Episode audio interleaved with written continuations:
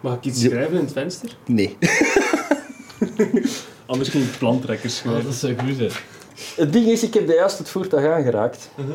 Ik heb de auto aangeraakt. En hier zie je me... Ik was al in mezelf... Shit, dat mag krassen, doe dat niet!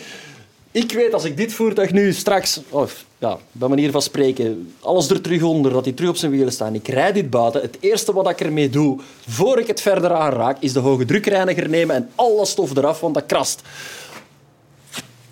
Dat is liefde voor auto's. Dat kan je niet vergelijken.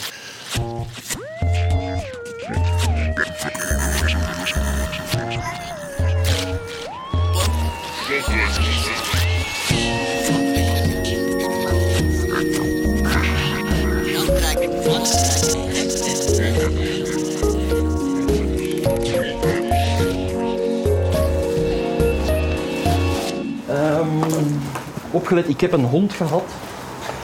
Beest was niet altijd proper, vooral hier. Hoppakee. Klein momentje. Ah, alsjeblieft. Dit is stofvergaren. Dit is vergane glorie. Dit is mijn hart dat breekt elke keer ik hier binnenwandel. Spijtig genoeg.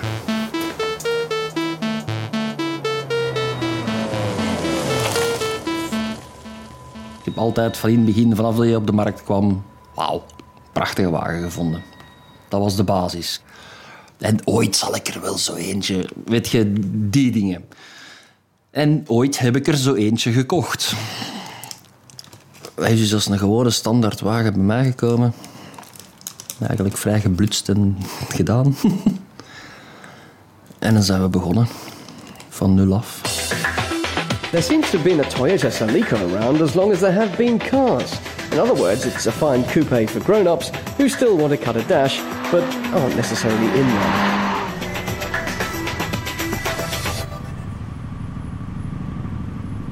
Als je in de file staat en je ziet 500 BMW's, 300 Mercedes'en en een hoop standaard golfjes, Opels en noem maar op, dan is het iets leuk als daar zo eentje tussen komt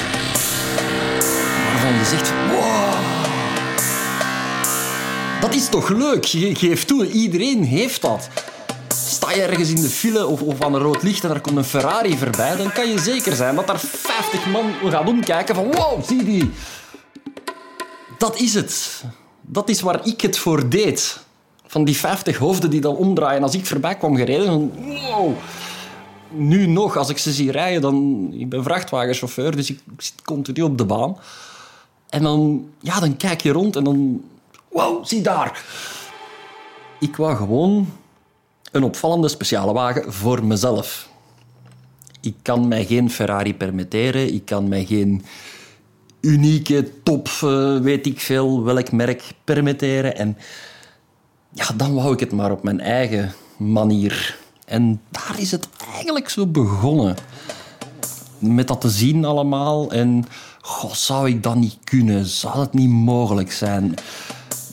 Maar ik ben altijd van karakter geweest van het moet dan uniek zijn. Het moet van mij zijn.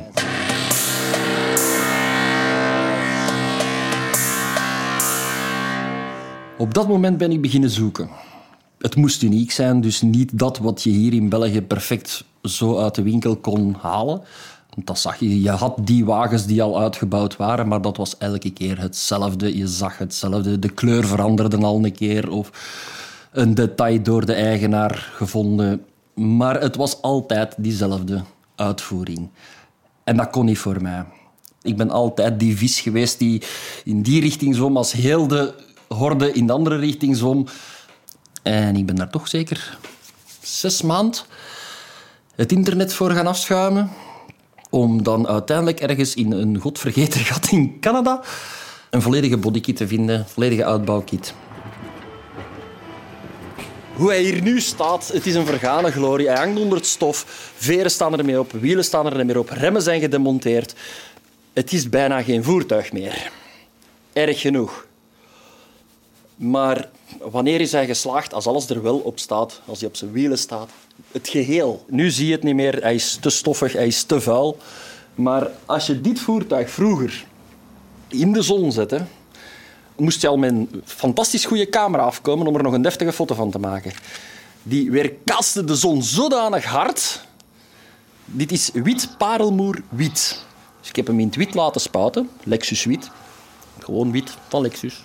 Niks aan de hand. Maar daarop heb ik parelmoer wit laten zetten. Dus het wit werd nog eens geaccentueerd door wit. Normaal gezien, die parelmoerwagens die verkleuren. Dat zijn die wagens die je van blauw naar groen, naar rood, naar alles... Dat is parelmoer. Wat doet die? Die schijnt nog eens extra dat wit af. Man, die glinsterde in de zon. Echt, dat was... Het is maar een wit voertuig, ja, akkoord. Maar als ik daarmee op de snelweg reed overdag in de zomer, er waren mensen die een zonnebril moesten aandoen, want die konden er niet naar kijken.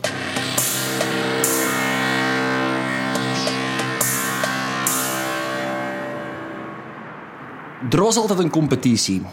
Quasi elk weekend. Nu gebeurt het nog minder, maar het gebeurt nog. Er zijn meetings van die mensen. Nu nog. Maar daar liepen ze hem voorbij, om een of andere reden. Daar werden bekeruitreikingen gedaan. Uh, ja, dat was competitie eigenlijk uh, om het beste show. noem maar op. En daar won ik nooit iets. Tenzij ik naar Nederland of Frankrijk reed. Ik was top 15 in Nederland. Ga naar Frankrijk, ze drommen rond. Bekers die kwamen naar huis. Ik moest er een stuk of vier s'avonds naar huis. Oh, wat gebeurt hier? Kom terug naar België, bekijken me niet ja, hoe kan je het meten? Ik weet het niet. Ik denk dat het smaakverschillen zijn. Ehm, hier in België is er altijd een groep die ehm, de toon moest aangeven. En zij gingen dan, hoewel het altijd ging om personaliseren, wat in mijn... Ik kan niet zeggen wat jij moet mooi vinden. Maar toch was er zo een groepering die zei van... Dat is nu tuning, dat is wat wij uh, top vinden nee, ik vind dit de schoonste, want dat is de mijne. En ja, zie mijn halve Ferrari. Ik bedoel, dat is mijn idee van die wagen. Aanvaard het gewoon. En dat kon in de Belgische tuning scene niet.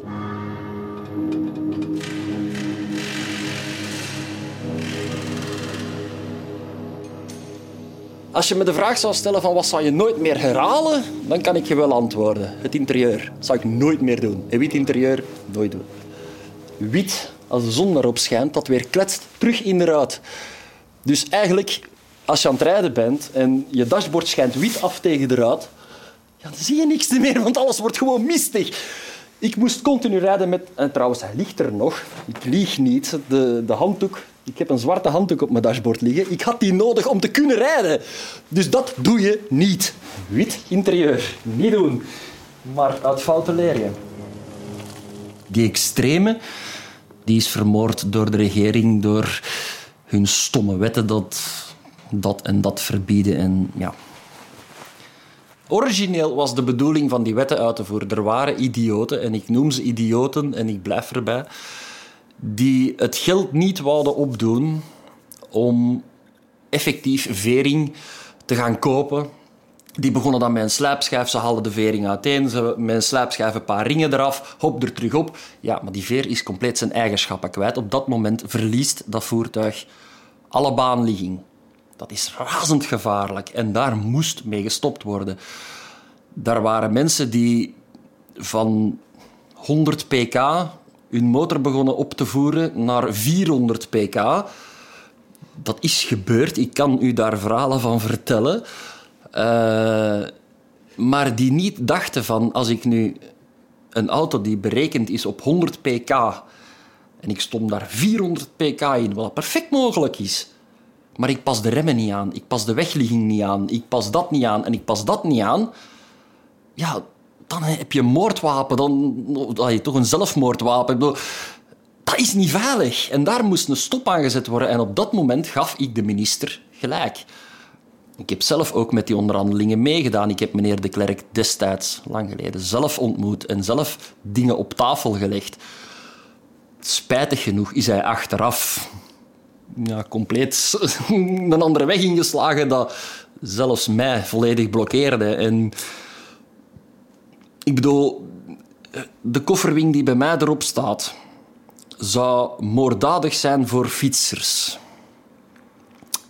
Nu, met de beste wil van de wereld, ik kan het mij niet inbeelden hoe dat je daarmee een fietser rondhoofd. Maar dat is wat ze op de keuring zeggen.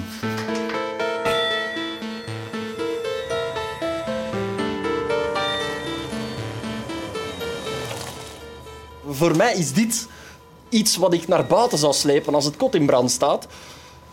Terwijl jij zou zeggen, laat dat staan, want dat is afval. Uh, sinds dat dit voertuig, en daar steek ik alles voor in het vuur wat ik ooit maar gehad heb. Sinds dat ik dit voertuig zo gebouwd heb, is die nooit meer boven de 110 km per uur gegaan. Dat is wat de liefde voor dat voertuig bij mij bedoelt. Ik reed tussen de vrachtwagens op de eerste band 90, 100 km per uur.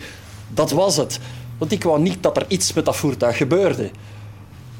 Dat is, ja, er zit een sentimentele waarde. En ik ken tuners die bouwden een auto met veel liefde en veel zorg. Prachtige wagens. Die kwamen daar een half jaar mee na een meeting. Daarna gooiden ze die gewoon de markt op en pff, ben er vanaf. Gedaan. Ja, daar heb je er geen liefde voor, ook niet. Ik zou deze wagen nog altijd hebben. Die zou nog altijd op de straat rondrijden.